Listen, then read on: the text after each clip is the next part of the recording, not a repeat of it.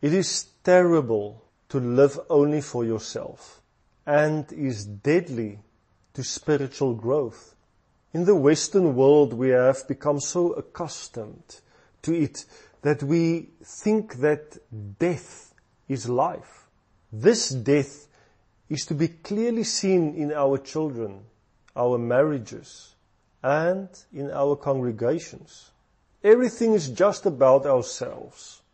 This results in having a life without excitement and maturity, which is developed when we share our life with others, taking responsibility for others around us.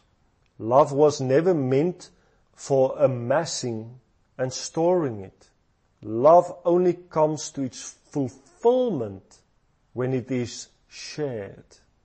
Growth in our spiritual life in order to change into the image of Christ only happens when one takes responsibility and live in obedience to God. There is extraordinary growth for those who give and share their lives. Often God cannot give you more until you give more of what you have to others. That is the principle of what you sow, you will reap. The more you give, the more you will receive. Unfortunately, we live in this consumer society with a consumer mentality where people are taught to only receive and only spend on themselves. Everything is about my own needs and how much I can amass for myself. It is also true of many churches and their congregations. The truth is actually that when you take care of other people's needs, then your own needs will be provided for. A wonderful way of sharing is to share your testimony with others.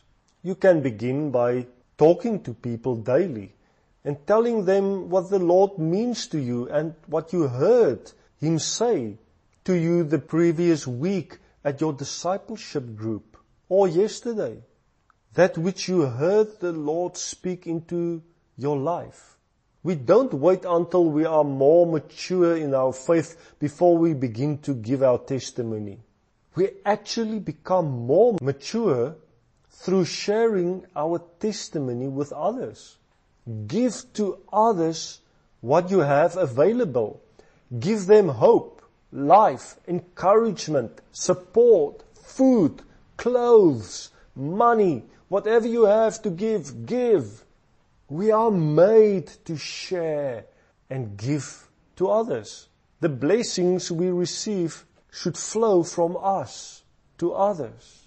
The kingdom of God is a place of abundance and believers are people who are supposed to be people who share their abundance generously with others. Experience has taught me that the most spiritually mature people are those who always give what they have towards the need around them. Believers have to, as their purpose in life, be a source of life to others and be partakers of God's plan of provision. But in order for us to get to that place, we have to learn to provide in the need around us. I remember that once during a, a, holiday, I think it was in the middle of a year, my eldest daughter, Susan, was watching television the whole time.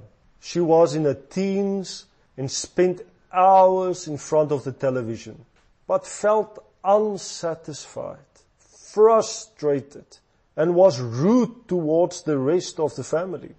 I encouraged her to go with a youth worker in the community.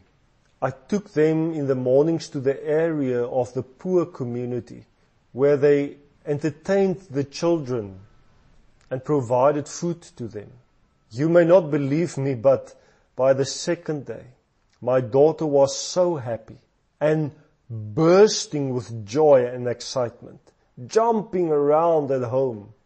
I asked her, my dear, do you know why you are so happy?